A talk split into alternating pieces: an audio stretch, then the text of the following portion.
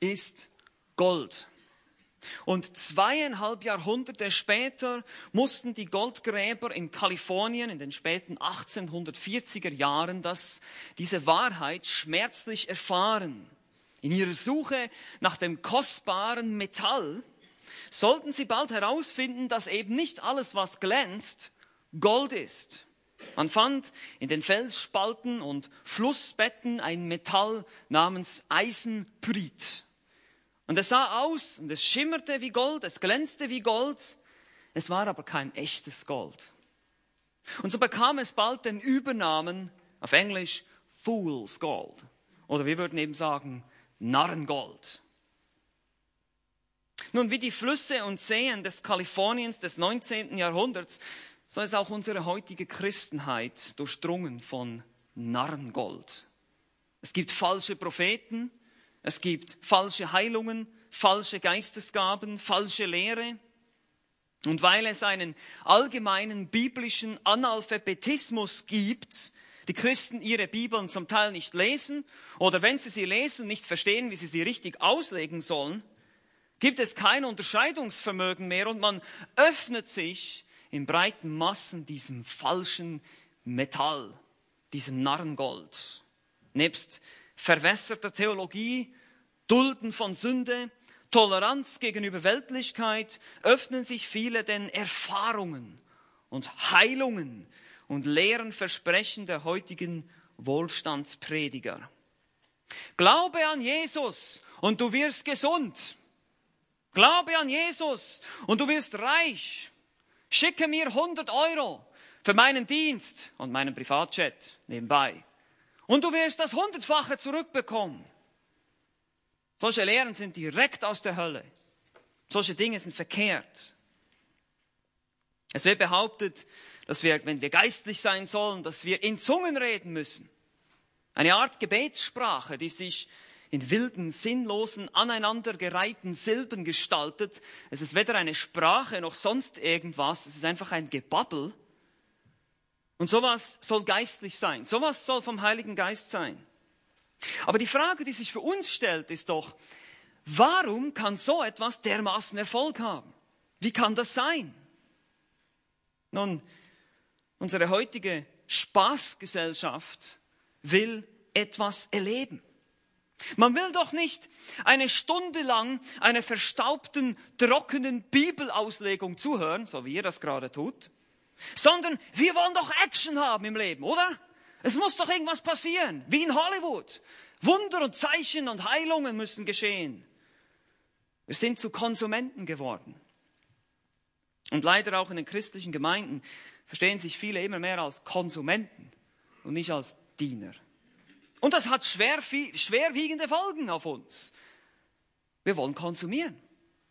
Ich will doch nicht jahrelang an meiner Selbstdisziplin und an meinem Charakter und an meinem Bibelstudium arbeiten und mich das jahrelang hier damit bemühen und abmühen, mein Fleisch zu töten, sondern ich will jetzt einen Heiligen Geist, Sepp, ja, eine Instant-Heiligung, sofort. Gesundheit, sofort absolute Heiligkeit. Das ist doch viel besser. Der Heilige Geist im Sonderverkauf. Heute Aktion, Heilungen. Meine Bedürfnisse müssen jetzt gestillt werden. Und deshalb gibt es eine weltweite Bewegung. Und ich weiß, einige von uns haben vielleicht noch nie davon gehört, aber Viele von euch haben dieses Wort vielleicht schon mal gehört, charismatische Bewegung oder auch pfingstliche Bewegung, pfingstliche Gemeinden, Pfingstgemeinden, charismatische Gemeinden. Es gibt eine noch modernere Bewegung, eine Abspaltung davon, die sogenannte neue apostolische Reformation nennt sie sich jetzt. Man nimmt auch noch das Wort Reformation in den Mund. Sie hat weltweit 369 Millionen Anhänger Sie nahm 1996 ihren Anfang, ist populär gemacht worden, unter anderem auch durch eine christliche Band namens Jesus Culture. Und man versteht sich als Bewegung. Man findet kein Hauptquartier, kein Hauptquartier, keine Leitungsperson in dem Sinne, kein Glaubensbekenntnis, nichts dergleichen. Es ist eine, es ist eine Bewegung, im Englischen ein Movement. Warum ist das so? Nun, weil es auf Erfahrungen basiert. Die Erfahrungen sind es, die diese Leute verbinden. Nicht die Theologie, nicht die Glaubensüberzeugungen. Es gibt diese Bewegung, gibt es in katholischen Kirchen, die gibt es in protestantischen, die gibt es in der freien evangelischen Welt, freien evangelikalen Gemeinden. Überall findet man diese Erscheinungen. Es verbindet, es gibt keine Theologie, die diese Dinge verbindet, sondern es ist Erfahrungen. Diese Bewegung erleben alle möglichen und unmöglichen bizarren Dinge. Sie sind betrunken im Geist. Das bedeutet, dass sie sich irgendwie betrunkene benehmen und sie sagen, das ist vom Heiligen Geist, das ist eine Segnung. Sie verachten natürlich Theologie und gesunde Lehre und Bibelauslegung und eine Bibelauslegung im Kontext gesunder hermeneutischer Prinzipien wird verachtet. Es ist wichtig, dass wir erst eine Erfahrung machen. Sie sehen Feuertunnel, die Kinder in Brand setzen, Federn von Engel, die durch die Ventilation des Gemeindegebäudes kommen, unerfüllte Prophetien, die sie aber immer noch für wahr halten. Romantische Lieder über Jesus, hypnotische Musikgottesdienste, unzählige Wiederholungen, unendlich lange Repetition von Liedern bis zur Ekstase und Trance. Umarmungen von Jesus. Einige von ihnen behaupten sogar, sie wären regelmäßig im Himmel gewesen. Und andere hätten Jesus persönlich getroffen, am Morgen beim Rasieren oder sonst irgendwo. Und andere erleben Gottes Gegenwart in Form von Goldglitzer oder Werwolfsalbungen, was immer das ist, Totenauferstehungen und haltet euch fest, das beste, furzende Engel im Wettbewerb miteinander. Und so etwas soll vom Geist Gottes sein? Und wir denken jetzt vielleicht, das ist wirklich extrem. Ja, das ist kein Witz, das ist wirklich das ist kein Witz. Ihr guckt mich jetzt alle an, ich weiß. Das ist kein Witz. Wirklich nicht. Und es ist, wenn es nicht so lächerlich wäre, dann, aber es ist traurig, es ist total traurig. Solche Dinge werden da gesagt. Und wir denken vielleicht, ja, das ist extrem, aber wir müssen verstehen, das beginnt im Kleinen. Es beginnt ganz leicht, mit kleinen Kompromissen. Wir, wir, man beginnt nicht dann mit diesem Wahnsinn, sondern man beginnt, man beginnt im Kleinen. Und diese Dinge sollen Zeichen und Wunder sein. Das hat überhaupt nichts mit den Berichten im Neuen Testament zu tun, aber rein gar nichts. Man will die Welt für Jesus einnehmen, man will diese Welt hier, das Reich Gottes, hier auf Erden aufbauen. Das ist eigentlich Postmillennialismus im neuen Kleid, man nennt es auch Dominionismus heute, dass man sozusagen das Reich Gottes auf Erden aufbaut und nicht auf das Zukünftige warten will. Und jeder halbwegs vernünftige Mensch müsste sich fragen, wie kann eine solche Bewegung 369 Millionen Anhänger haben? Ist das möglich? Dummheit? Naivität? Sicher auch. Aber es ist in erster Linie Verführung. Verführung. Wie gesagt, es muss nicht überall so extrem sein wie jetzt in dieser neuen apostolischen Reformation. Die ist charismatisch, aber es ist nicht unbedingt Teil der klassischen charismatischen Bewegung. Aber es ist jedoch schwer beeinflusst davon. Und die charismatische Bewegung ihrerseits geht zurück auf die pfingstliche Bewegung Anfang des 20. Jahrhunderts. Und was macht aber den Kern dieser Bewegung aus? Ich habe das schon angesprochen. Der Kern der Bewegung sind Erfahrungen, die sie verbinden. Aber im Kern behaupten diese Leute, dass es heute immer noch Apostel und Propheten gibt, wie zu neutestamentlichen Zeiten. Und Gott Zeichen und Wunder tut durch diese Menschen. Nicht, dass wir sagen, es gibt keine Heilungen mehr, dass Gott nicht heilen kann, aber dass Gott Zeichen und Wunder und Heilungen gibt durch bestimmte Menschen als Geistesgabe. Ja, es sei sogar wichtig zur Evangelisation, dass wir Zeichen und Wunder tun. Das wird dann Power Evangelism genannt, also Kraftevangelisation. Man glaubt, dass Menschen heute noch direkte Offenbarungen von Gott bekommen, eben Prophetie, auch wenn diese in der Qualität minderwertiger ist als im Neuen Testament. Auch, dass Heilungen geschehen müssen, um Menschen zu evangelisieren. Oder auch Christen nicht krank werden sollten, da Jesus für ihre körperlichen Krankheiten gestorben ist und da es eher ein Zeichen deines Unglaubens ist, wenn du krank wirst. Das sind so im Wesentlichen die Dinge, die sie behaupten. Auch das sogenannte Zungenreden sei eine Art private Gebetssprache zur persönlichen Selbstauferbauung. Am Anfang der Bewegung war es auch ein Zeichen für eine zweite Erfahrung, sozusagen du wirst gläubig und dann gibt es eine Art zweite Erfahrung mit dem Heiligen Geist, wo du wie auf eine zweite Stufe, eine höhere Stufe der Heiligung kommst. Und das Zeichen ist dann eben, dass du in Zungen redest, in diesem unverständlichen, komischen Gebabbel, ich kann es nicht anders beschreiben. Und das wird äh, heute nicht mehr so stark betont in gewissen charismatischen Kreisen, aber das war am Anfang vor allem der Fall. Und die Frage, die sich uns zunächst stellt, ist auch, sind diese Dinge wirklich neu? Es wird von einer neuen apostolischen Reformation gesprochen. Neue Dinge sind da. Oder man sagt auch, wir gehen zurück zu den ähm, Wurzeln, zum äh, neutestamentlichen fünffältigen Dienst, wird er auch genannt. Eben Apostel und Propheten haben wir auch in der Gemeinde. Da werden direkte Offenbarungen empfangen. Es wird in Zungen geredet. Ist es neu, dass diese Behauptung aufgestellt wird, dass wir immer noch diese Zeichen und Wunder brauchen, dass wir immer noch Propheten und Apostel haben? Nun, die Antwort ist nein. Im Laufe der Kirchengeschichte gab es immer wieder solche Bewegungen. Nach der apostolischen Zeit gab es immer wieder solche Bewegungen. Menschen, die gekommen sind, gesagt haben, wir müssen auch wieder Propheten haben, wir müssen auch wieder Apostel haben, wir müssen auch wieder Zeichen und Wunder tun, weil sonst können wir nicht effektiv evangelisieren.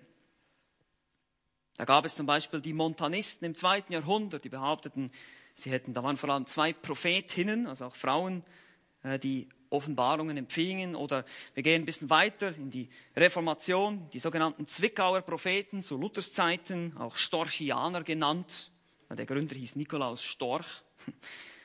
Die behaupteten auch, neue Offenbarungen zu haben. Also diese Bewegungen gab es immer wieder und all diese Bewegungen wurden immer wieder durchs Band als Schwärmer, als Irrlehrer verurteilt.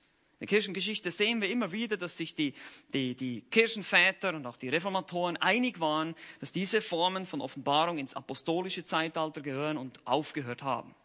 Wir werden noch sehr ausführlich darüber sprechen, wie und warum wir glauben, dass diese Gaben eben aufgehört haben, wie wir das biblisch belegen. Aber das, soweit ist die Behauptung.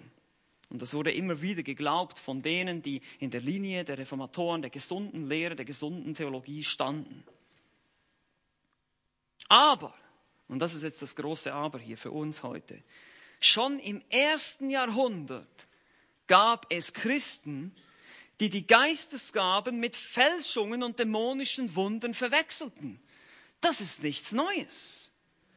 Nämlich unsere lieben Freunde aus Korinth, mit denen wir uns gerade beschäftigen. Sie hatten genau dasselbe Problem. Könnt ihr euch erinnern? Paulus schreibt einen Korrekturbrief an eine weltliche, zerstrittene und gespaltene Gemeinde. Also diese Leute hier in Korinth sind alles andere als ein Beispiel für uns in diesem Zustand, wie sie waren, als Paulus diesen ersten Korintherbrief geschrieben hat. Christen in Korinth waren fleischlich und unreif, heißt es in Kapitel 3. Sie stritten darüber, wer unter ihnen den besseren Redner an hängt. Es gab Parteiungen. Wir können uns erinnern, Kapitel 1, es gab diese Leute, die behaupteten, ich bin des Paulus, ich bin des Apollos. Auch gab es andere theologische Verirrungen, die Idee, dass man geistlich angekommen sei. Eben auch so eine quasi eine Vorform vielleicht von dieser Idee in der zweiten Erfahrung des Heiligen Geistes. Es gibt einige, die sind besonders geistlich, das ist beeinflusst durch die stoische Philosophie, auch später durch den Gnostizismus, dass man bestimmte Erfahrungen machen kann und dann völlig unabhängig ist von seinen Umständen und dann auch im Körper sündigen kann, wie man will. Das Böse kann mir dann sozusagen nichts mehr anhaben. Das sehen wir in Kapitel 4, Vers 8, diese, man nennt es auch eine überrealisierte Eskatologie. Also wir, wir haben das Gefühl, wir sind schon sozusagen im verherrlichten Zustand jetzt in irgendeiner Form, obwohl wir noch hier sind. Und dadurch geschieht, dass wir die Sünde leugnen und denken, wir können ja sogar zu Prostituierten gehen, es würde uns nichts anhaben. Das war genau das, was in Korinth geschah. Und es führte zu falschem Verständnis, was Weisheit ist. Paulus muss das alles korrigieren. Es führte zu großer Unmoral in der Gemeinde. Es wurden Leute geduldet. Es wurde keine Gemeindezucht geübt. Es gab Streitereien, Gerichtsverhandlungen und ebenfalls eben sexuelle Unmoral, Unzucht. In Kapitel 6, das haben wir alles angeschaut.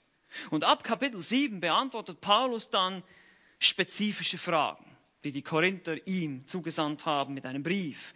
Zuvor beantwortet er eigentlich Dinge, die er nur durch mündliche Reporte gehört hat von bestimmten Leuten.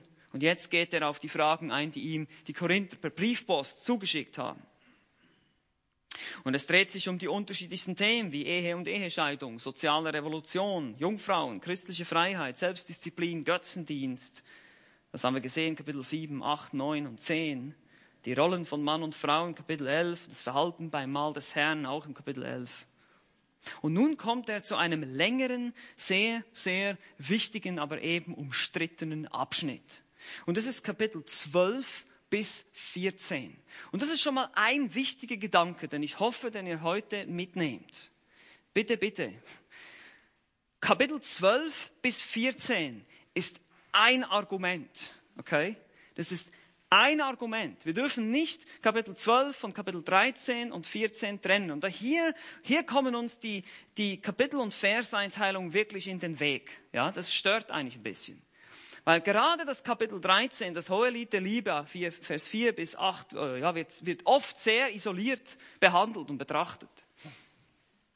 Aber wenn wir uns den Kontext, den Zusammenhang anschauen, werden wir feststellen, dass Paulus hier dass dieses Hohelied der Liebe ein Teil seines Arguments ist gegen die Korinther, weil sie ihre Gaben falsch eingesetzt haben und weil sie Fälschungen geduldet haben in ihrer Mitte. Also es ist ganz, ganz wichtig, dass wir diese Prinzipien nicht so losgelöst vom Kontext, vom Zusammenhang sehen. Klar können wir sehr viel lernen über die Eigenschaften der Liebe, weil das ist ja das, was er hier anführt, der Paulus. Aber wir müssen verstehen, was der Zusammenhang ist, dass das ganze, der ganze Abschnitt eine einzige Korrektur darstellt. So wie es hier zum Teil beschrieben ist, soll es nicht gemacht werden. Gerade eben nicht. Ja, in Kapitel 14, äh, der, der, bekannte Vers, äh, wie ist es nun, Brüder, in Vers 26, wenn ihr zusammenkommt, so hat jeder von euch einen Psalm, eine Lehre, eine Offenbarung, eine Sprache. Das ist nicht eine Aufforderung, das so zu tun. Das ist Korrektur, das ist Sarkasmus. Er sagt, ihr macht das, aber das ist verkehrt. Das ist nicht zur Auferbauung. Ihr macht ein Chaos hier. Und so gibt es viele Verse, die total falsch verstanden werden in diesem Abschnitt. Auch das Schweigen der Frauen im Gottesdienst. Das ist ein Lehrkontext hier. Es geht um die Zungenrede und die Prophetie. Es geht nicht darum, dass Frauen einfach immer nur schweigen müssen, überall, wo sie irgendwie in Gemeindezusammenkünften sind. Das ein, müssen wir im Zusammenhang verstehen. Deshalb bitte ich euch, Kapitel 12 bis 14 mal einige Male wirklich am Stück durchzulesen. Immer wieder, immer wieder, mehrere Male und wirklich genau zu beobachten, was Paulus wirklich sagt und nicht einzelne Verse. Auch die Aufforderung dann, dass man das, das Zungenreden nicht wehren soll und solche Sachen, die dann von den Charismatikern aus dem Zusammenhang gerissen werden. Auch das muss hier im Zusammenhang verstanden werden. Und so ist das äußerst wichtig. Kapitel 12 bis 14 sind eine einzige Einheit, ein Argument. Lasst uns nun aber unseren Predigtext lesen für heute. Unser Predigtext für heute ist Kapitel 12, Vers 1. Wow, wir kommen echt voran hier. Aber das ist wichtig. Es heißt hier, was aber die geistlichen, und dann wird hier bei mir eingesetzt, in Elberfelder Gaben betrifft, was die geistlichen Gaben betrifft, Brüder, so will ich nicht, dass ihr unwissend seid. Paulus möchte nicht, dass seine Empfänger unwissend sind über die geistlichen Gaben. Nun, Gaben wird hier impliziert. Eigentlich steht im Griechischen hier nur etwas wie die geistlichen. Man könnte das auch als Geistwirkungen übersetzen. Aber wenn man den Gesamtkontext betrachtet, zum Beispiel in Vers 4, wird dann von Gnadengaben gesprochen, Charismata oder Charisma. Und davon haben wir das Wort Charismatiker. Okay? Also das Wort selber ist nicht ein Problem. Charisma bedeutet einfach Gnadengabe. Also es geht um die geistlichen Gaben hier. Das sind besondere Befähigungen, die der Heilige Geist jedem Gläubigen gibt, schenkt, um ihn für den Dienst in der Gemeinde zu befähigen. Er gibt Lehrgaben, es gibt Dienstgaben, es gibt verschiedene. Wir werden das noch im, im Detail anschauen zusammen. Können wir heute natürlich jetzt nicht tun, da es wirklich erstmal um die Einleitung und Überblick geht. Aber es geht darum, dass Gott geistliche Befähigungen schenkt, um jedes einzelne Glied am Leib zu befähigen, seinen Dienst zu tun. Der Geist gibt verschiedene Gaben, verschiedene Kombinationen sogar von Gaben. Und Paulus will nicht, dass seine Empfänger unwissend sind darüber.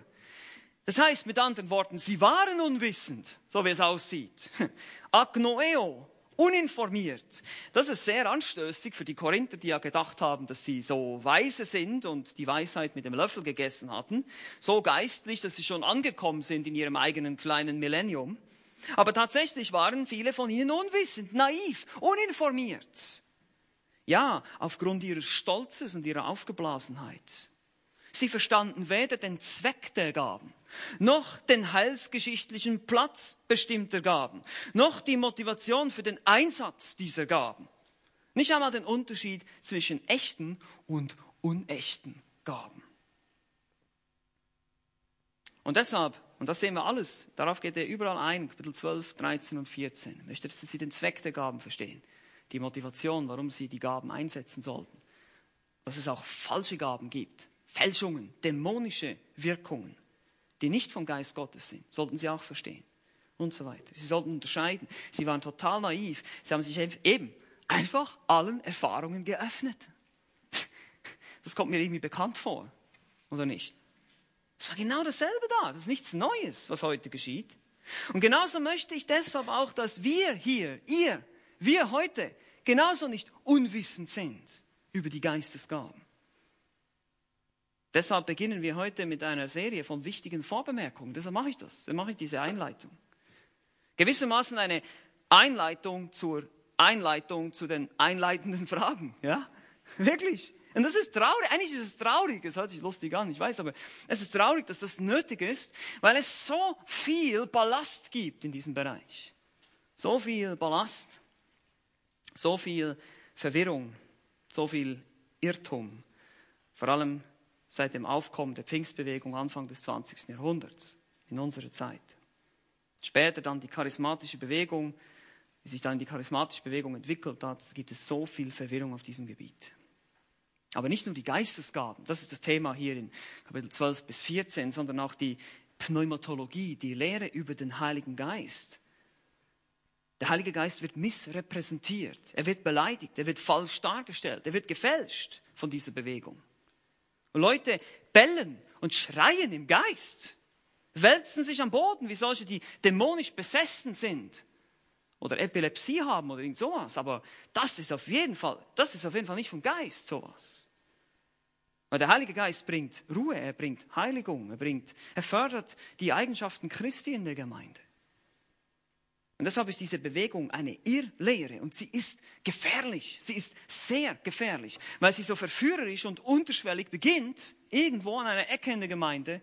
Durch Bücher, durch Lieder, durch andere Dinge wird sie eingeführt. Und deshalb werde ich zum Beispiel auch Namen nennen müssen.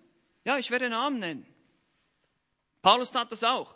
Er nannte Hymenäus und Philetus in 2. Timotheus 2,17, die Irrlehrer waren. Er, nannte, er erzählte über sie, dass sie ungöttliches leeres Geschwätz verbreiten, ihr Wort frisst um sich wie der Krebs, sagt er. Das, das müssen wir, wir müssen Namen nennen. Ich muss euch warnen vor bestimmten Leuten, die bestimmte Dinge lehren. Nicht, weil ich persönlich irgendwas habe gegen diese Leute, sondern weil diese Leute einfach falsche Lehren verbreiten, die ungesund sind für dein und mein geistliches Leben.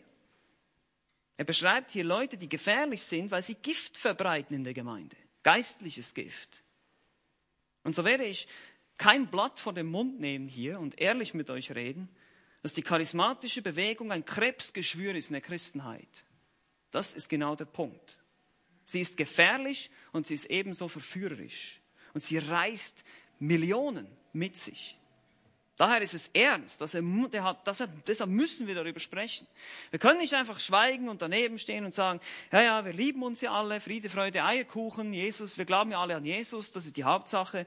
Nein, können wir nicht sagen. Weil der Jesus der charismatischen Bewegung ist nicht der Jesus der Bibel. Das ist eindeutig. Und vor allem ist oft Jesus gar nicht im Mittelpunkt, sondern ein, ein irgendein heiliger Geist, der auch nicht der Heilige Geist ist, offenbar.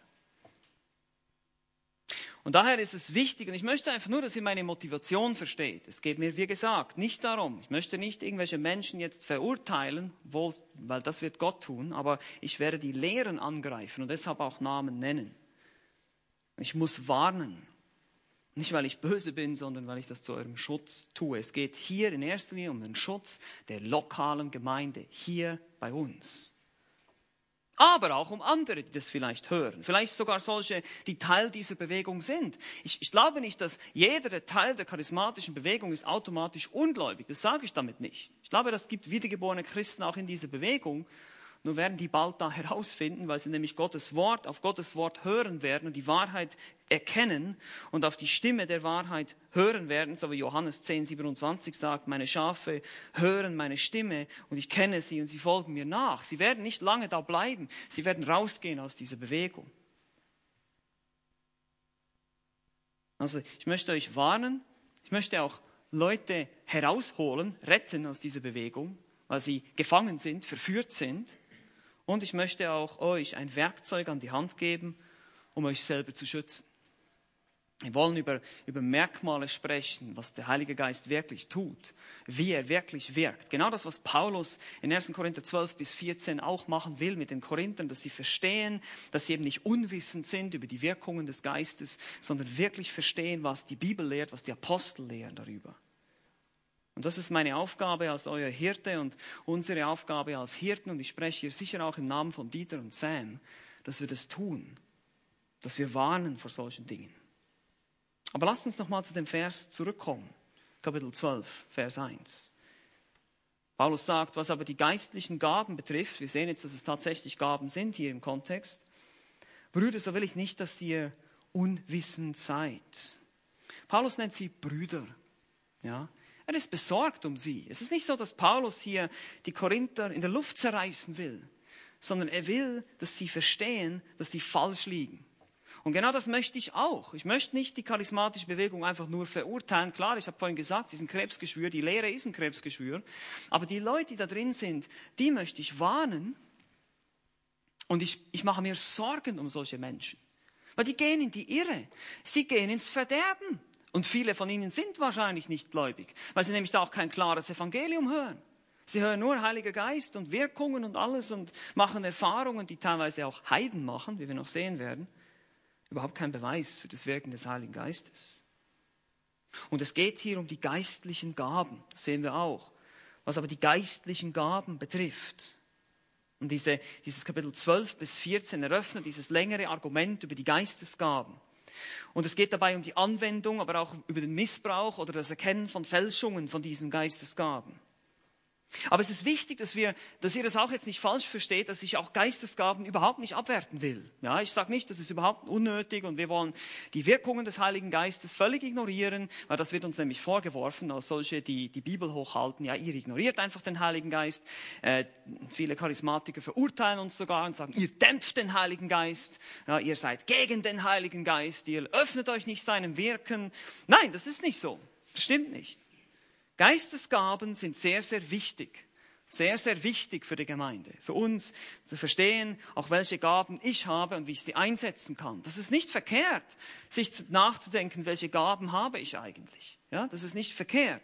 Weil Paulus sagt es ja auch nicht. Er sagt auch nicht, was die Geistesgaben betrifft, vergesst das einfach mal. Nein, er sagt, ich will nicht, dass ihr unwissend seid. Ich will, dass ihr es richtig versteht. Es gibt ein richtiges und falsches Verständnis über die Geistesgaben. Aber hier ist ein ganz wichtiger Punkt und hier auch wieder bitte dick, fett notieren. Geistesgaben, wahre Gaben des Heiligen Geistes werden immer die Eigenschaften Christi in der Gemeinde und deren Glieder fördern. Der Geist verherrlicht Christus, nicht sich selbst. Der Geist stellt sich selbst nicht dar, sondern er verherrlicht Christus. Und wenn wir, wenn der Heilige Geist Zeichen und Wunder tut und wenn es nur darum geht, ein Spektakel zu erleben, dann würde der Heilige Geist die, Aufmerksam auf sich, die Aufmerksamkeit auf sich selbst lenken. Und das ist falsch. Das ist unbiblisch. Jesus hat das ganz klar gesagt in Johannes, könnt ihr selber nachlesen, Johannes Kapitel 14, auch Kapitel 16, wo er über den Heiligen Geist und seine Rolle spricht. Werden wir alles noch dazu kommen. Ich gebe euch hier wirklich erstmal so die wichtigsten Gedanken als einleitende Punkte. Also er wird immer die Eigenschaften Christi in der Gemeinde und deren Glieder fördern. Das ist Liebe. Das ist Heiligung. Das ist Gehorsam. Das ist gegenseitige Erbauung. Und daraus macht Paulus einen Riesenpunkt im Kapitel 14 über die Erbauung. Dass vieles nicht zur Erbauung dient, was die Korinther getan haben und deshalb falsch war. Aber der Sinn und Zweck ist sicher nicht Gebell und Geheul und Ekstasen und derartiges. Das, ist, das geht total entgegen dem, was die Bibel lehrt, was Paulus hier sagt im Korintherbrief über den Heiligen Geist. Nur leider hat, wie gesagt, ein falsches Verständnis in den letzten Jahrzehnten und letzten Jahrhunderten für sehr viel Verwirrung gesorgt. Und wie wir noch sehen werden, bestand das Problem aber nicht seit dem Aufkommen der pfingstlich-charismatischen Bewegung, sondern eben schon im ersten Jahrhundert in der Gemeinde in Korinth.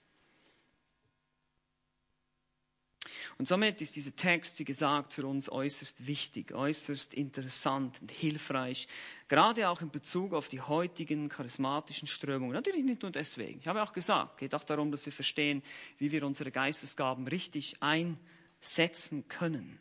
Aber wir dürfen, wie gesagt, nicht vergessen, dass dieser ganze Abschnitt eine Korrektur ist, eine Korrektur an die erste charismatische Gemeinde. Ja? Es ist eine Korrektur an die erste charismatische Gemeinde überhaupt. So könnten wir es eigentlich nennen. Und lasst uns deshalb jetzt mit diesem Thema beginnen. Das war jetzt die Einleitung zu der Einleitung der einleitenden Fragen. Jetzt kommen wir zu der Einleitung der einleitenden Fragen. Und das ist, das ist das Thema, was ihr heute habt. Vier wichtige Vorbemerkungen zu den Geistesgaben. Vier Vorbemerkungen, werden heute nur zwei anschauen. Also keine Sorge, ich versuche in der Zeit fertig zu sein hier.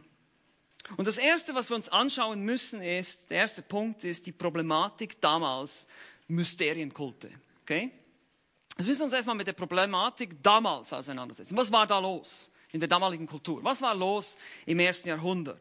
Weil sonst können wir den Brief nicht richtig verstehen. Wenn wir den kulturellen Hintergrund und die historischen Hintergründe nicht verstehen, dann verstehen wir auch nicht, wovon Paulus hier teilweise spricht. In Vers 2.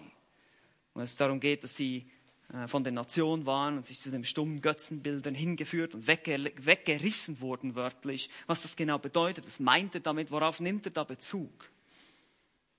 Nun, die Heidenkulte der griechisch-römischen Kultur von damals gehen zurück auf das, was wir auch als Mysterienreligionen bezeichnen oder Kulte.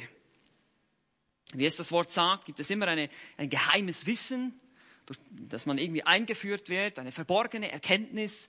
Das sehen wir auch bei den Gnostikern oder bei anderen solchen Philosophien. Es gibt ein Initiierungsritual, das man durchgeht. Und dann gibt es mystische Ekstasen, durch die man dann diese, äh, diese, äh, diese gehobene Erkenntnis bekommt. Und diese falschen Religionen, die gehen viel weiter zurück als nur in das erste Jahrhundert. Falsche Religion hat ihren Ursprung eigentlich in Kain. Ihr kennt die Geschichte von Kain und Abel. Kain, der falsche Anbeter in 1. Mose Kapitel 4. Kain brachte Gott ein Opfer dar, das Gott nicht akzeptierte. Warum? Weil er es in eigener Regie ohne Glauben, heißt es in Hebräer 11.4, darbrachte. Er vertraute nicht auf Gott, er tat nicht das, was Gott sagte. Er betete Gott nicht so an, wie Gott es wollte, sondern er entwickelte seine eigene Form der Anbetung. Und das ist so der Ursprung, wie es dann eben auch zu falschen Religionen kommt. Der Grundstein wurde dann aber sicher im Turmbau zu Babel gelegt, in 1. Mose Kapitel 11. Die Nachkommen von Ham vor allem unter der Führung von Nimrod, bauten den Turm zu Babel. Sie wollten den Himmel stürmen und sich einen Namen machen, heißt es da. Das war sozusagen die erste falsche Religion. Und Gott richtete sie dafür, wir kennen die Geschichte, er hat ihre Sprachen verwirrt und somit zerstreuten sie sich über die gesamte Erde und jeder von ihnen nahm seine Religion mit. Nur änderte sich natürlich die Form und die Farbe, aber im Kern blieb sie dieselbe. Deshalb wird Babylon auch am Ende des Neuen Testaments immer noch als das ultimative Beispiel für falsche Religion gesehen. Die große, die Mutter der Huren und der Gräuel der Erde, heißt es in Offenbarung 17, Vers 5. Die Welt wird enden, wie sie begonnen hat. Vereint in einer Weltreligion, die sich gegen den wahren Gott erhebt. Ist das nicht erstaunlich? Genauso wie sie angefangen hat, wird sie enden. Und das wird geschehen unter der Leitung eines falschen Messias, dem Antichristen, und einem falschen Propheten. Die beiden werden in Offenbarung 13 als zwei Tiere dargestellt. Sie bilden zusammen mit Satan die unheilige Dreieinigkeit und so wird die ganze Welt enden. Also diese falsche Religion wird letztlich auch wieder zu dieser falschen Einheit führen, mit der sich die Menschheit gegen Gott erhebt. Aber wie gesagt, zurück zu den Mysterienkulten. Historische Quellen belegen, dass die Frau von Nimrod Semiramis heißt sie, eine Hohepriesterin in Babel war und die Gründerin der Mysterienkulte. Aus ihr wurde zum Beispiel die Ishtar der Syrer, die Astarte der Phönizier, die Aphrodite der Griechen oder die Venus der Römer. Immer eine Göttin auch der sexuellen Liebe und Fruchtbarkeit. Also wir sehen da eine bestimmte Linie in diesen verschiedenen Völkern. Ihr Sohn Tammuz von Semiramis, der wurde ein, heißt es, durch einen Sonnenstrahl gezeugt, also eine erste Form von Antichrist kann man sagen, so eine kleine ähm, Fälschung der Jungfrauengeburt. Und dieser Sohn von Semaris, Tamus, äh, Semiramis, Entschuldigung, das ist ein Zungenbrecher, Tamus, ihr müsst euch diese Namen nicht alle merken, mir geht es nur darum, dass ihr so die Linie sehen könnt, korrespondiert mit Baal der Phönizier, Osiris der Ägypter, Eros der Griechen oder der Amor der Römer. Also es gibt hier immer wieder Parallelen. Vor allem diese Muttergöttin, diese Muttergöttin-Kult. Und hier erkennen wir einen teuflischen Plan hinter den Kulten. Es ist immer wieder eine gewisse Ähnlichkeit mit Maria und Josef, oder? Und auch die Marienverehrung im Katholizismus kam durch diese Einflüsse zustande. Berühmter Kirchenhistoriker schreibt, Zitat, mit der Marienverehrung drang ein Ersatz für die überwundene Verehrung der antiken Muttergottheiten in das Christentum ein. Heidnischer Einfluss in der Kirche. Nichts Neues. Überhaupt nichts Neues. Aber in der Kultur von Korinth waren insbesondere die ekstatischen Formen dieser Mysterienkulten sehr einflussreich. Ekstase wurde sozusagen als die höchste Erfahrung menschliche Gemeinschaft mit einer Gottheit gesehen. Und daher auch die sexuellen Orgien und Erfahrungen oder spiritistischen Ekstasen, die überall gang und gäbe waren. Die Stadt war voller Tempelprostituierten, sogenannte Priesterinnen. Das haben wir im Kapitel 6 gesehen im Korintherbrief. Oder auch die Korinther wurden gewarnt vor dem Götzendienst in Kapitel 10. Und da standen auch dämonische Kräfte dahinter. Das haben wir auch gesehen, Kapitel 10, dass man eigentlich dann den Dämonen opfert, wenn man diesen Götzen opfert. Und daher waren diese Ekstasen auch dämonische Wirkungen. Die waren echt. Es ist nicht alles nur Fake, nicht alles nur falsch oder Täuschung oder Selbsteinbildung. Das gehört sicherlich auch dazu. Aber vieles ist einfach auch okkult. Ist einfach auch teuflisch. Und daher ist es nicht verwunderlich, dass die weltlichen Korinther, auch wenn es um den Einsatz ihrer Geistesgaben ging, genauso vorging. Elemente, Formen und Einflüsse der Mysterienkulte in ihr Christentum importierten. Und dadurch entstand ein Chaos im Gottesdienst. Und dazu kommt noch, dass sich einige der Christen in Korinth auch dämonischen Einflüssen offenbar öffneten in Form von gefälschten Geistesgaben. Kommt uns irgendwie bekannt vor, oder? Einen Hinweis darauf sehen wir, wie gesagt, in Vers 2, in Kapitel 12, wo Paulus darüber spricht, dass sie, als sie von den Nationen waren, sich zu den stummen Götzenbildern hingeführt wurden und ihr, wie ihr irgend geleitet wurde. Sie wurden mehr oder weniger fortgerissen, ist die Idee hier. In Ekstase. Das ist eine Anspielung darauf. Und dieses Chaos musste Paulus nun korrigieren. Und dieser Abschnitt hier in Kapitel 12 bis 14 dient genau diesem Zweck. Man kann sich die Fragen der Korinther eigentlich gut ausmalen. Haben wir gesagt, das sind alles Fragen, die in Paulus geschickt wurden. Wie sollen wir denn mit den Gaben des Geistes umgehen? Oder vielleicht auch, Paulus, welches ist die beste und die größte Gabe? Welches ist die spektakulärste, die wichtigste? Nach welchen Gaben sollten wir am meisten streben? Und solche Fragen haben sie, wir können das nur vermuten anhand seiner Antworten, die er hier gibt. Aber irgend sowas muss Paulus zugeschickt worden sein. Und er gibt hier Antwort. Und man merkt sofort, dass er die Situation einschätzt und, und ganz klar sagt, passt auf, was ihr da teilweise an Erfahrungen und, und Wirkungen erlebt, ist nicht alles vom Heiligen Geist. Es ist auch teilweise dämonisch. Das sehen wir auch im dritten Vers, wo er sagt, dass niemand, der im Geist Gottes redet, sagt, verflucht sei Jesus. Offenbar gab es Leute, die ganz öffentlich Jesus verflucht haben und gesagt haben, das komme vom Heiligen Geist. Also da waren teuflische Einflüsse am Werken, das ist definitiv so. Und er denkt jetzt vielleicht, okay, ein Christ kann doch nicht besessen sein. Nein, kann er nicht. Aber wenn du dich als Christ dämonischen Einflüssen öffnest, das freiwillig tust, dann, wenn du den Teufel einlädst, dann kommt er auch. Und so ist es möglich, dass wir als Christen beeinflusst werden von okkulten Wirkungen, nicht aber besessen sein können. Und das war offenbar teilweise zumindest der Fall hier.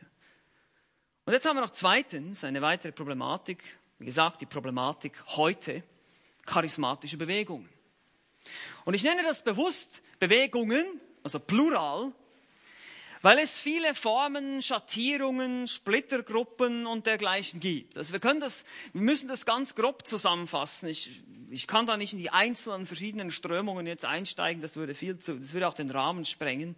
Darum geht es gar nicht, weil es lassen sich nämlich Gemeinsamkeiten feststellen, die seit dem Beginn dieser Bewegung immer wieder aufzutreten scheinen und diese Bewegung auch äh, sozusagen kennzeichnen. Wie gesagt, die Kernlehre, Kernaussage ist, das Weiterbestehen der besonderen Gaben wie Zeichen und Wunder und Heilungen, wie in der apostolischen Zeit und auch die weitere Existenz der Ämter der Apostel und Propheten. Das sind so die Hauptmerkmale, die was behauptet wird, wenn man die pfingstlich-charismatische Bewegung als Ganzes betrachtet. Aber lasst uns mal ein bisschen in die Anfänge gehen, diese Bewegung. Die Pfingstbewegung nahm ihren Anfang um 1900 herum in den Vereinigten Staaten. Zunächst als Pfingstbewegung bekannt, entwickelte sie sich später, wie gesagt, in die charismatische Bewegung. Es gab dann auch daraus das Wohlstandsevangelium, die Heilungsbewegung und eben auch unsere neue apostolische Reformationsbewegung und viele mehr. Mittlerweile gibt es so viele Bezeichnungen, aber die Lehre im Grundlegenden, im Kern ist immer wieder dieselbe, die man antrifft. Eben diese Wiederentdeckung der sogenannten Zeichen und Wundergaben. Aber hier nur ein paar interessante Fakten über, diese, über den Ursprung dieser Bewegung. Es begann um 1901, als eine gewisse Agnes Osman begann, in fremden Sprachen zu sprechen. Nachdem sie zusammen mit anderen Studenten die Apostelgeschichte studiert hatte, schließlich hatten sie dafür gebetet, dass sie eine zweite Segnung im Stile der Apostelgeschichte erleben könnten. Und das würde auch geschehen, so schien es zumindest. Aber schon in den Anfängen der Pfingstbewegung waren sich dann nicht alle Beteiligten einig, wie die Ereignisse genau abgelaufen sind und wie sie beurteilt werden sollten. Einige sagten, Agnes habe drei Tage nicht mehr Englisch gesprochen. Sie selbst behauptete, sie, aber sie habe schon nach einem Tag schon wieder Englisch gesprochen. Die Lehrer von Agnes, also der Lehrer Charles Parham war sein Name, behauptete, diese Frau sei Teil seiner Studien gewesen mit den Studenten. Agnes selber behauptete, das wäre nicht der Fall gewesen vor dieser Erfahrung. Und so gibt es eine lange Liste von Widersprüchen in den verschiedenen Berichten, die es gab über den Anfang dieser Bewegung. Schon bald merkte man, dass das Sprachenreden, das wäre eigentlich die korrekte Übersetzung hier auch von diesen sogenannten Zungenreden, von der Agnes Osman keine wirklichen Sprachen waren. Das heißt, in den Anfängen der Pfingstbewegung hat man Apostelgeschichte 2 so verstanden, dass es tatsächlich Fremdsprachen seien, die gesprochen werden oder gesprochen werden müssten. Und der Lehrer Parham, Charles Parham, insistierte einige Zeit später, dass man pfingstliche Missionare zukünftig in andere Länder schicken konnte, ohne dass sie eine Sprachschule besuchen müssten. Sie können ja in Sprachen reden. Und man stellte bald fest, dass dieses komische Gejibbere und Gebabbele, was die Leute da redeten, keine Sprachen waren und die Eingeborenen sie nur verdutzt anguckten. Also hier auch schon sehen wir, wie das missverstanden wurde. Und dann wurde aber schnell mal irgendeinmal die Theologie entwickelt, dass es eben eine andere Form von Zungenreden geben solle. Und da seht ihr schon, wenn man die Erfahrung über die Schrift gestellt hat, dass man eigentlich schon die Erfahrung, ja, okay, die verstehen die Sprache nicht, also es muss es irgendeine Geheimsprache sein. Man hat diese ganze Theorie entwickelt über die Engelszungen oder, oder Geheimsprache und all diese Sachen. Auch der persönliche Charakter von Charles Parham war ebenfalls sehr fragwürdig. Es gab einen Todesfall ähm, in einem seinen, äh, unter seiner Leitung. Ein Mädchen wurde medizinische äh, Hilfe verwehrt, weil sie angeblich durch den Glauben, durch Wunderheilung geheilt werden könne. Und so musste er nach Texas fliehen, wo er schließlich William Seymour treff, äh, traf, der später dann auch das sogenannte Azusa Street Revival in Los Angeles 1906 begann, wo die, die pfingstliche Bewegung eigentlich wirklich dann ihren richtigen Lauf nahm. Parham wurde 19. Juli 1907 wegen Sodomie, also sexueller Unmoral, festgenommen. Das waren die Anfänge dieser Bewegung, die sich später dann, wie gesagt, in die charismatische Bewegung entwickelte. In den 50er und 60er Jahren kam das auf, auch mit der Hippie-Bewegung. Und nach Deutschland kam die Bewegung erst 1962 durch einen lutherischen Pfarrer namens Arnold Bittlinger. In den 1980er Jahren kam es dann noch einmal zu einem weiteren Aufbruch, auch die dritte Welle des Heiligen Geistes genannt. Und diese Bewegung charakterisierte sogar, äh, charakterisierten sich dann nicht einfach nur die, äh, waren nicht nur die Vertreter der pfingstlichen Bewegung, sondern verschiedene Hintergründe. Also verschiedene Denominationen waren dann von, davon betroffen. Einige Namen davon waren auch wieder Amerikaner, C. Peter Wagner, John Wimber, David Yonkicho als Koreaner dabei, Auffällig war, dass man nicht nur eine zweite Erfahrung mit dem Heiligen Geist betonte, sondern die Taufe des Heiligen Geistes auch zum Zeitpunkt der Rettung sah. Also man krebste wieder so ein bisschen zurück von dieser zweiten Erfahrung, Idee und kam wieder, merkte, okay, die Schrift sagt eigentlich, dass es nur eine Taufe des Heiligen Geistes gibt, aber man betonte dafür den Einsatz von Zeichen und Wundern bei der Evangelisation, eben der sogenannte Power Evangelism wird er genannt. Weiterhin wurde auch direkte Offenbarung, Prophetenamt und vieles mehr gelehrt. Also das betonte auch schon die klassische Pfingst- und dann charismatische Bewegung. Wichtig ist hier die Frage, ob eine solche Bewegung, die so, ich sage jetzt mal, unhistorisch ist, was ihre Theologie betrifft, ja, also sie ist sehr jung, sie hat keine wirklichen Wurzeln irgendwo in einem Strang der gesunden Lehre, zum Beispiel der Reformation oder der, der Kirchenväter. Sie ist kirchengeschichtlich sehr jung gesehen und ihre, ihre, ihre Anfänge scheinen schon von vielen Widersprüchen, Unmoral, seltsamen Lehren geprägt zu sein. Ob eine solche Bewegung wirklich vom Heiligen Geist gewirkt sein kann? Auch sollte man sich die Frage stellen, ob diese Gaben nicht eher als Fälschungen äh, identifiziert werden sollten. Aufgrund ihrer Ungenauigkeit, der Ähnlichkeit mit den Verführungen aus den Mysterienkulten bei den Korinthern im ersten Jahrhundert. Sollte so etwas tatsächlich vom Heiligen Geist sein? Nun, ihr kennt die Antwort. Auf keinen Fall. Auf keinen Fall. Und wie gesagt, der Textabschnitt hier in 1. Korinther 12 bis 14 wird uns das vor Augen halten. Und das ist auch ein, ein, Punkt, und ich hoffe, wenn ihr vieles andere wieder vergesst, die ganzen Daten und Namen und so weiter, das ist nicht so wichtig, aber dass ihr versteht, Paulus kritisierte schon damals dieselben Probleme, wie wir auch heute in der charismatischen Bewegung vorfinden. Mit anderen Worten, Paulus würde die heutige charismatische Bewegung verurteilen. Das ist der Punkt. Wenn wir diesen Text richtig verstehen hier, 1. Korinther 12 bis 14, können wir zu keinem anderen Schluss kommen. Also lasst mich das noch einmal zusammenfassen. Die klassischen pfingstcharismatischen Bewegungen, die auch die Wurzel der meisten heutigen solchen Strömungen sind, wie gesagt, es gibt eine breite Palette davon. Über diese gibt es Folgendes festzuhalten. Und das sind eigentlich jetzt so wie, vielleicht nennen wir das jetzt Anwendungspunkte äh, für uns erstmal, erste Gedanken, erste Zusammenfassungen, die wir festhalten wollen, um dann nächstes Mal weitermachen zu können. Also erstens, was wir festhalten wollen, die heutige Pfingst-charismatische Bewegung baut seit ihren Anfängen auf Erfahrung auf, anstatt auf gesunder Lehre.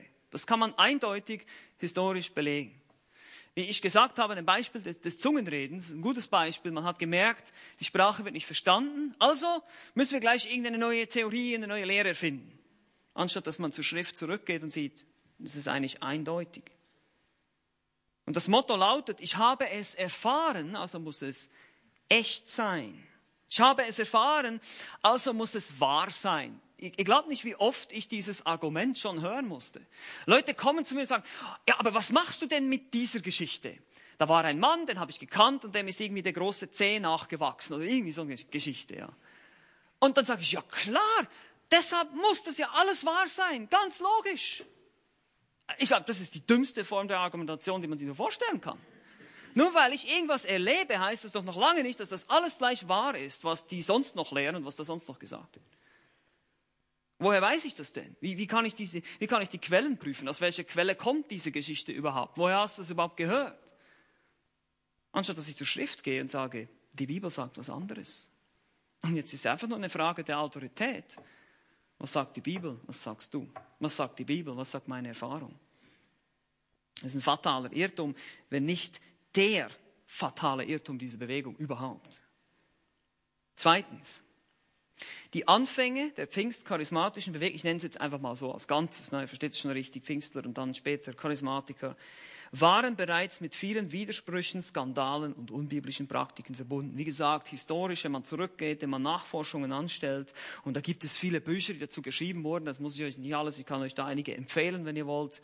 Es ist ein schlechtes Zeugnis für den Heiligen Geist. Es sieht nicht so aus, als wäre das wirklich eben der Geist, der wirkt und die Eigenschaften Christi in der Gemeinde fördert. So sieht es nicht aus.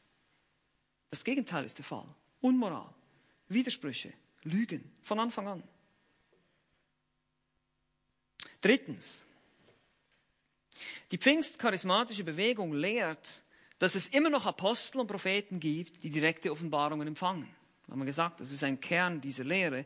Dabei lehrt uns die Schrift, dass ein wahrer Apostel jemand sein muss, der mit Jesus hier auf der Erde unterwegs war. Apostelgeschichte 1, 21 bis 22.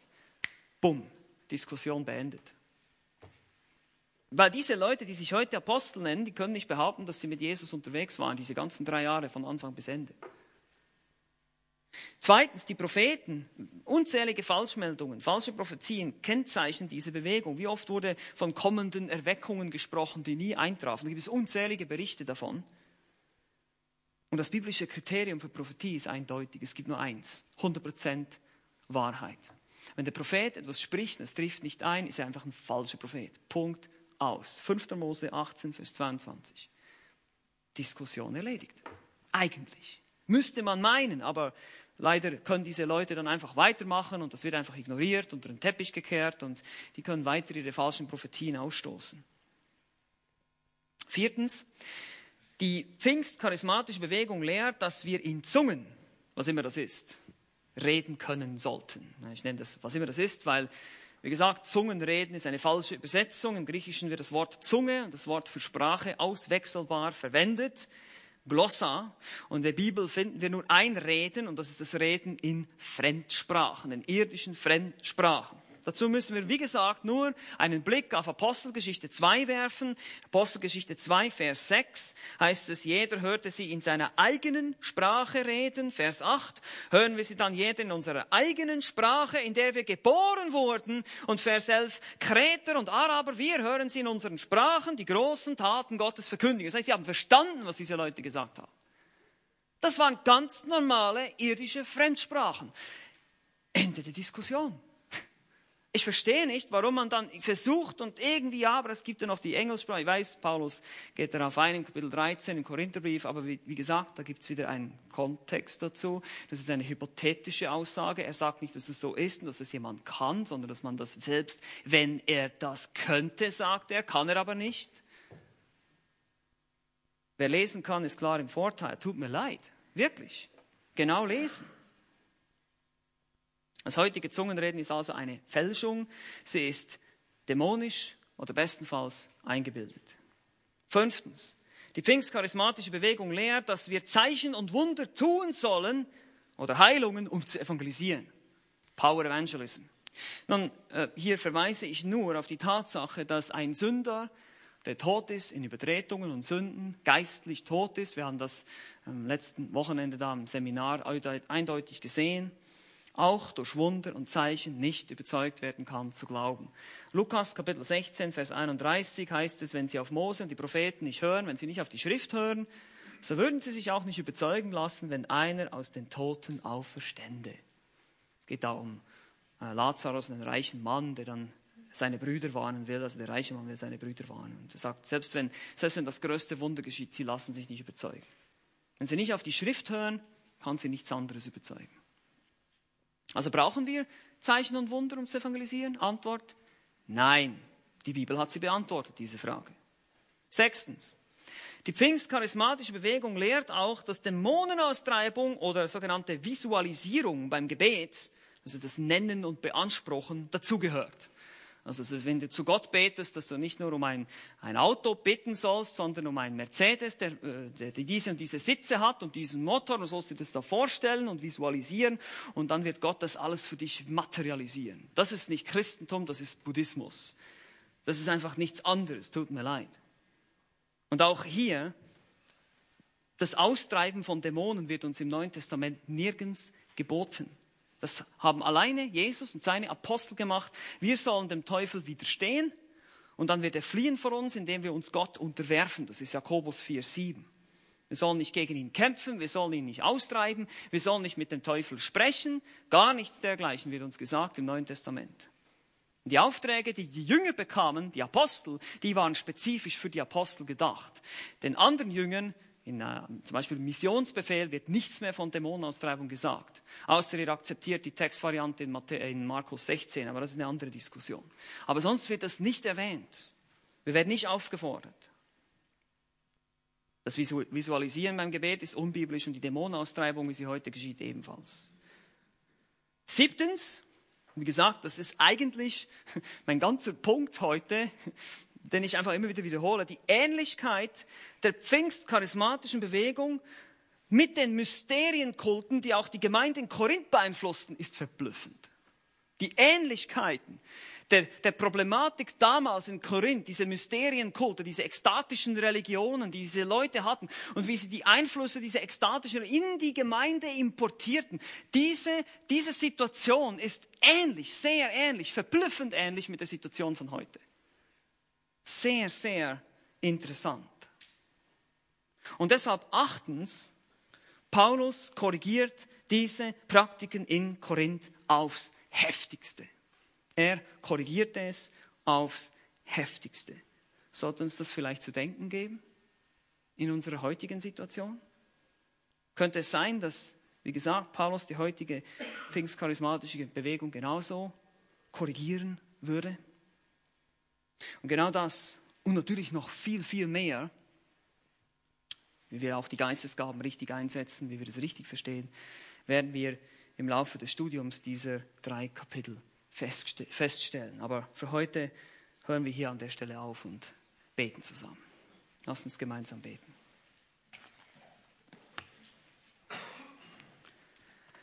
Herr Jesus Christus, ich danke dir, dass du uns deinen Geist gegeben hast danke dir, dass dein Heiliger Geist wirkt unter uns und dass er das tut, indem er Heiligung, Liebe und Gehorsam, eben die Früchte oder die Frucht des Geistes produziert unter uns.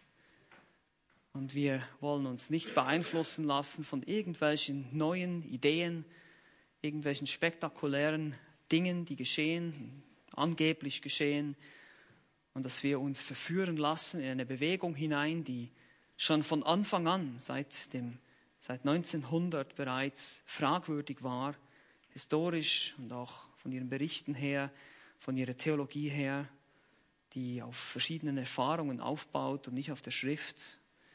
Und so bitten wir dich, dass du auch Gnade schenkst für viele Christen, die wirklich wiedergeboren sind und Teil dieser Bewegung sind, dass du dich über sie erbarmst, dass sie herausgerissen werden aus dieser Strömung dass sie zu dir gezogen werden, zu der Erkenntnis der Wahrheit und dass wir als Gemeinde auch die biblische Wahrheit weiterhin hochhalten, auch wenn uns Intoleranz und Lieblosigkeit und alles Mögliche vorgeworfen wird, weil wir das verurteilen. Herr, so bitte ich dich, dass du Gnade schenkst und unsere Herzen siehst, wie wir es meinen. Danke für deine Güte, danke, dass du uns schützen kannst durch dein Wort, dass wir durch die Wahrheit immer mehr auch Unterscheidungsvermögen lernen und dass du für jeden einzelnen von uns Gnade schenkst zum Schutz, dass wir uns nicht verführen lassen. Wir beten in Jesu Namen. Amen.